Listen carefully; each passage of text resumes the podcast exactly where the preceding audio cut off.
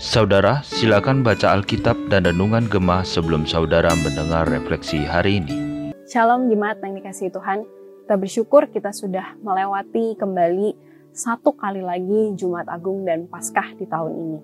Kita bersyukur juga Tuhan memberikan kita kesempatan untuk setiap hari kita boleh diingatkan oleh firman Tuhan dan kita boleh merenungkan firman Tuhan itu sepanjang hidup kita. Dan saat ini di dalam kelanjutan perenungan kita dari kitab Keluaran, saya mengajak kita untuk membuka Alkitab kita dari Keluaran pasal yang ke-14. Keluaran pasal yang ke-14 ada sebuah bagian besar di situ antara bangsa Israel dan Firaun, bangsa Mesir. Jadi kita akan melihat kisah apa yang dapat kita pelajari dan kita renungkan pada hari ini. Kita buka dari Keluaran 14. Dan saya ajak kita untuk terlebih dahulu berdoa, menyerahkan untuk perenungan kita ke dalam tangan Tuhan. Kita berdoa. Tuhan, di tengah-tengah keterbatasan kami untuk memahami firman-Mu, kiranya Engkau yang menolong kami untuk kami boleh disentuh, ditegur, dan juga dikuatkan lewat perenungan kami. Dan di tengah-tengah ketidakpahaman kami untuk mengerti apa yang ingin Tuhan katakan kepada kami, Tuhan kami percaya bahwa rohmu yang akan menuntun kami satu demi satu untuk kami boleh memahami apa kehendak Tuhan di dalam hidup kami.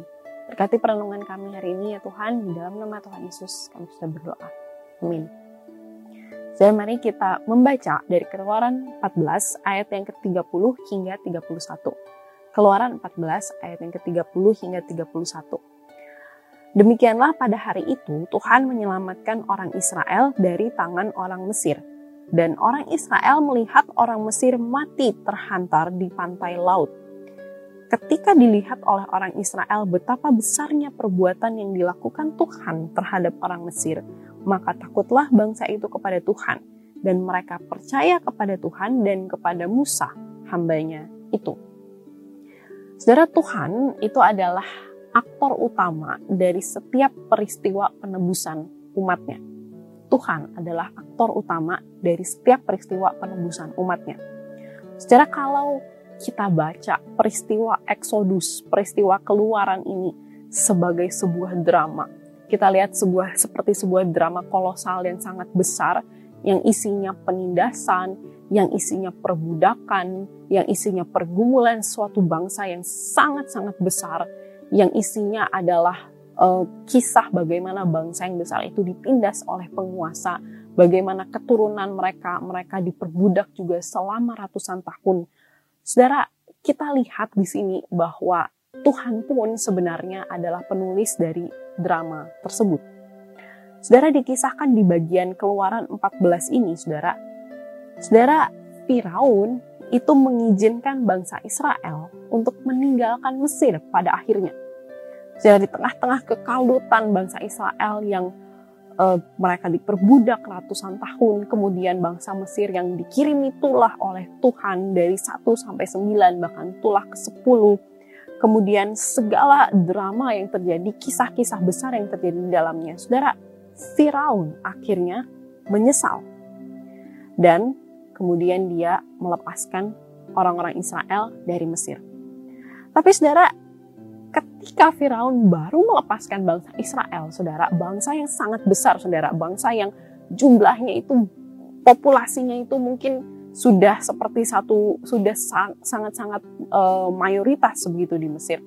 Saudara tentu perginya bangsa yang besar ini, perginya orang-orang ini membuat Firaun akhirnya merasa ada sesuatu yang hilang ada sesuatu yang hilang di dalamnya dan salah satu yang hilang adalah dia tidak bisa lagi punya sesuatu untuk dikendalikan atau dikuasai. Dan saudara ini membuat akhirnya Firaun itu seperti pikir ulang kenapa dia melepaskan bangsa Israel dari Mesir. Dan kemudian dia lihat lagi dia kehilangan budak-budaknya uh, kuil-kuil dewa-dewi yang dia bangun itu kemudian pasti akan menjadi proyek mangkrak.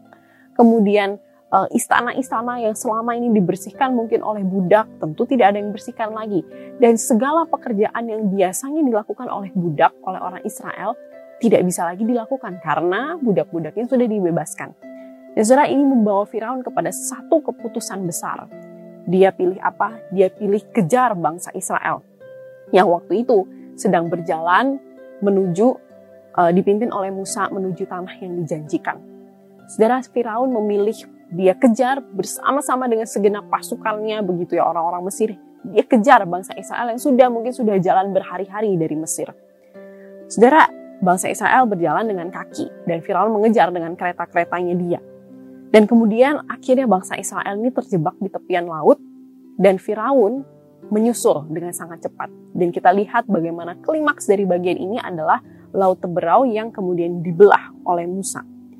Dan saudara, uh, kalau kita pikir saudara, ahli strategi militer mana pun begitu ya, dari bangsa mana pun, mereka mungkin tidak akan pernah ada yang bisa menduga bahwa ketika diperhadapkan dengan laut, lautnya yang terbelah dan laut yang memberikan jalan. Seperti alam itu memberikan jalan untuk orang Israel. Seperti alam yang bertindak untuk menolong orang Israel. Untuk penghabisan orang Mesir. Secara mau dipikir dari mana pun, ini adalah strategi yang paling tidak masuk akal dan yang paling tidak pernah bisa diduga. Karena orang Israel tidak perlu melakukan apa-apa selain mereka jalan aja. Mereka hanya perlu melangkahkan kaki mereka dengan berani melewati tembok-tembok air sampai ke seberang. Kalau mereka tidak mau kembali jadi budak di Mesir. Dan saudara, Tuhan kemudian membinasakan Firaun dan pasukannya. Tadi kita sudah baca bersama bagaimana pasukan Firaun itu akhirnya mati dan kemudian mayatnya sampai terseret ke pantai. Dan sudah di pasal 14 ayat 4 di situ Tuhan berkata terhadap Firaun dan seluruh pasukannya aku akan menyatakan kemuliaanku sehingga orang Mesir mengetahui bahwa akulah Tuhan.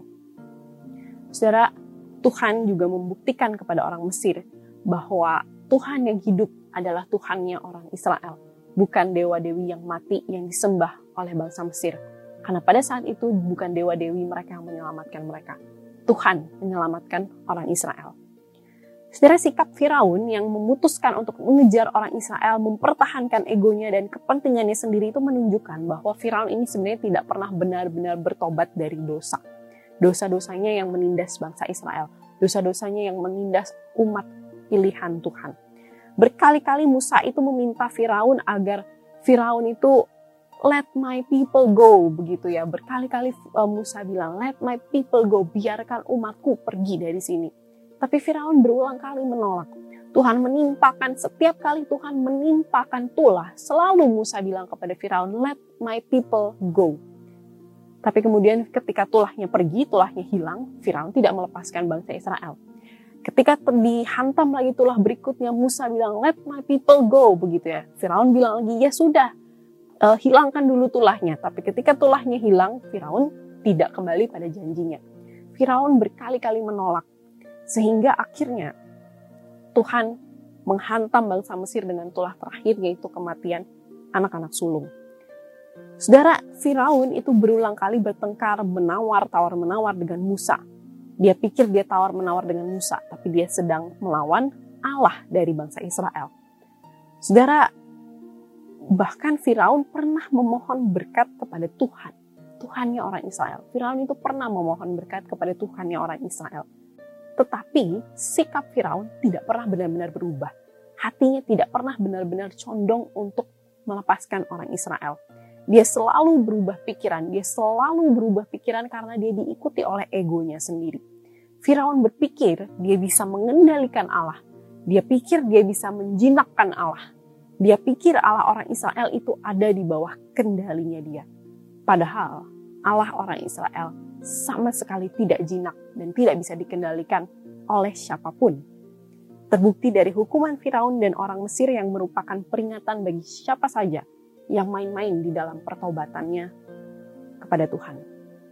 Secara sering kali, saudara, di dalam kehidupan kita, mudah sekali kita itu berbuat dosa. Kita jatuh dalam dosa dan kemudian kita bangkit lagi, saudara. Saudara kita kadang berpikir bahwa anugerah Tuhan itu seolah-olah seremeh dan sekecil itu. Dan Tuhan itu sejinak itu. Seperti seekor anak anjing kecil yang mudah sekali kita bawa ke mana-mana, yang nurut sama kita, yang sekalipun dia menyalak dan menggonggong, tapi itu tidak mengganggu kenyamanan kita. Padahal, saudara, Tuhan itu seperti sebuah singa yang besar, yang buas, yang siap menerkam, dan tidak bisa dikendalikan. Saudara, tapi saudara, Tuhan sekalipun dia tidak bisa dikendalikan, dia adalah Allah yang baik. Tuhan kita adalah Allah yang baik. Ketika kita sungguh-sungguh bertobat, dia bukan seperti seekor singa yang tidak bisa dikendalikan dan kita takut kepadanya sama sekali, tapi justru kita melihat dia sebagai seorang Allah yang baik, sesosok Allah yang baik. Setelah ketika kita sungguh-sungguh bertobat dan kita memohon Tuhan selalu memulihkan kita dari dosa-dosa kita, setelah kita akan melihat Tuhan sebagai seorang Allah yang pengasih dan pengampun. Secara pertobatan itu tidak pernah terasa enak pertobatan tidak pernah terasa enak. Kalau enak, artinya kita sedang mempermainkan anugerah Allah. Kalau pertobatan kita terasa enak, kita sedang mempermainkan anugerah Allah. Pertobatan itu membawa kita untuk selalu gelisah.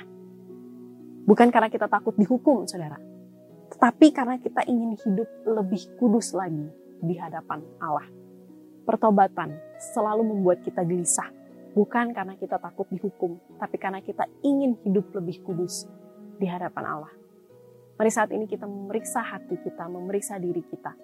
Pernahkah atau adakah, seringkah kita menganggap Allah itu bisa kita jinakan, bisa kita kendalikan ketika kita berdosa, kembali lagi berdosa, eh, bertobat lagi berdosa, dan kemudian kita memohon pengampunan lagi seremeh itu. Dan kita tidak pernah benar-benar digelisahkan oleh pertobatan kita. Mari kita berdoa. Ya Tuhan, pada hari ini permohonan kami ya Tuhan adalah kiranya Engkau senantiasa menggelisahkan kami ketika kami melakukan dosa. Ketika kami condong kepada ego kami. Ketika kami lebih memilih kenikmatan dunia ketimbang kemuliaan Allah. Ya Tuhan, gelisahkanlah kami. Sehingga kami menjadi orang Kristen yang bisa melihat Tuhan dengan lebih benar lagi bisa merasakan dan memaknai anugerah Tuhan dengan lebih benar lagi ya Tuhan. Dan kiranya Engkau yang menuntun kami di tengah-tengah hidup kami yang jatuh bangun ini.